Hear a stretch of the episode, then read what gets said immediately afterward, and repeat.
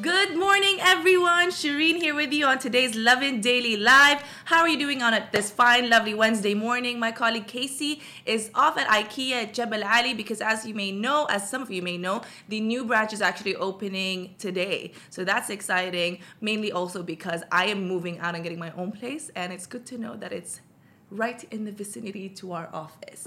How's everyone doing? What are you up to today? Are you at work? Are you chilling at home?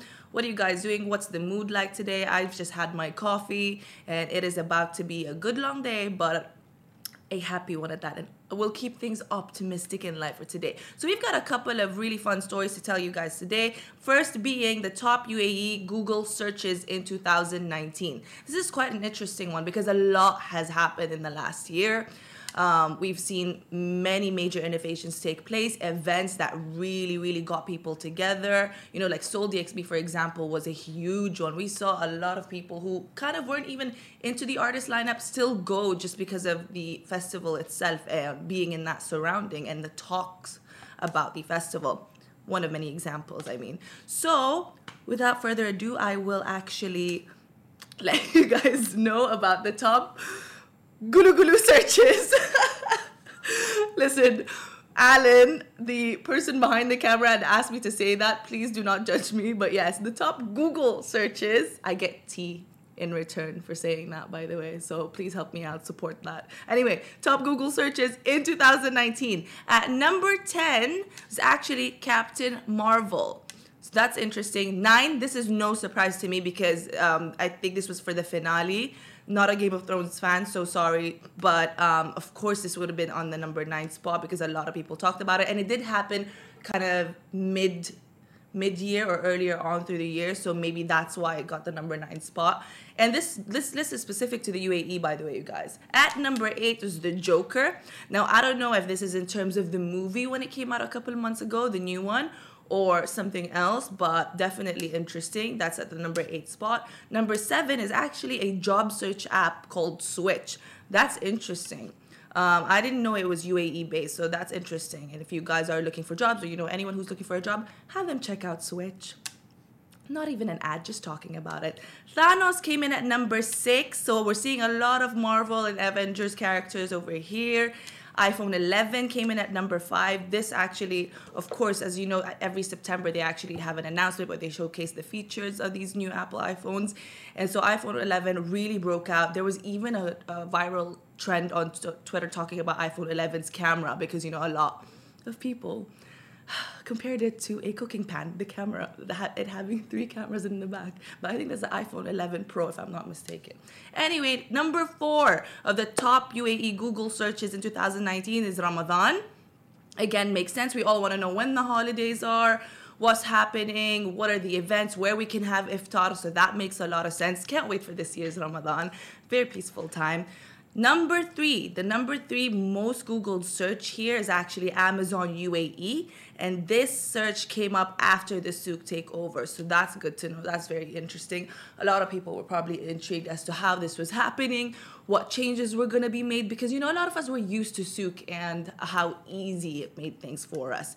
But anyway, yes, that came in at number three. On At number two, is the UAE National Day. This was one of the most recent events that we've had here in the UAE, so it only makes sense.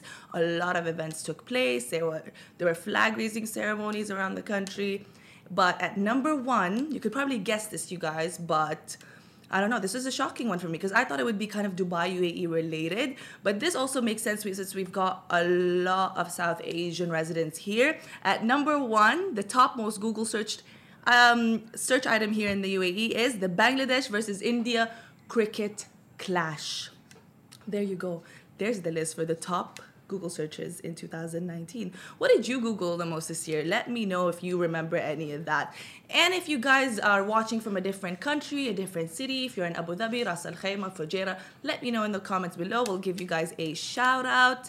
Um, next up on our story, a budget European airline is coming to the UAE. Okay, so this airline is called Wizz. You'll probably, if you have seen it, it's gonna come to Abu Dhabi soon.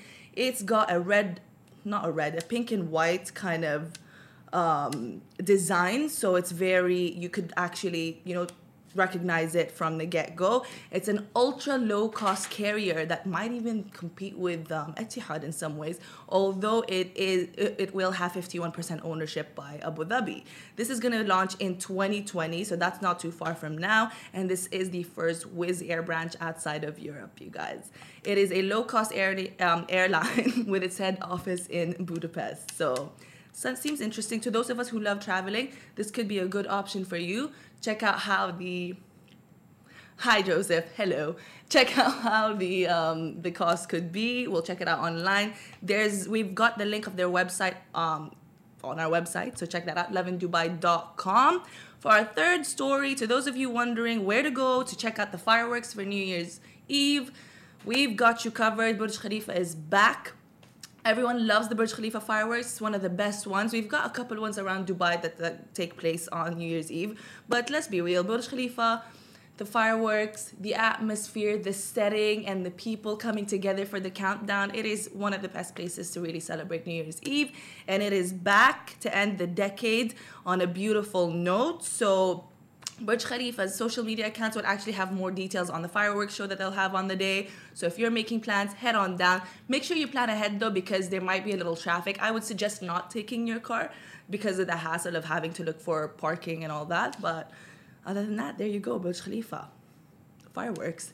New Year's Eve. What are your New Year's resolutions? Let me know in the comments below, you guys, because I've got many, but I'm just scared I'm not even gonna get around to doing one of them but we will do we will begin with the fitness journey in 2020 you better know. Vision 2020 let me know what's in your vision 2020 in the comment section below.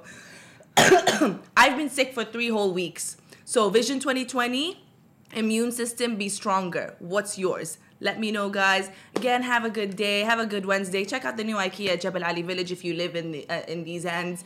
And that is it for me. I'll catch up with you guys tomorrow.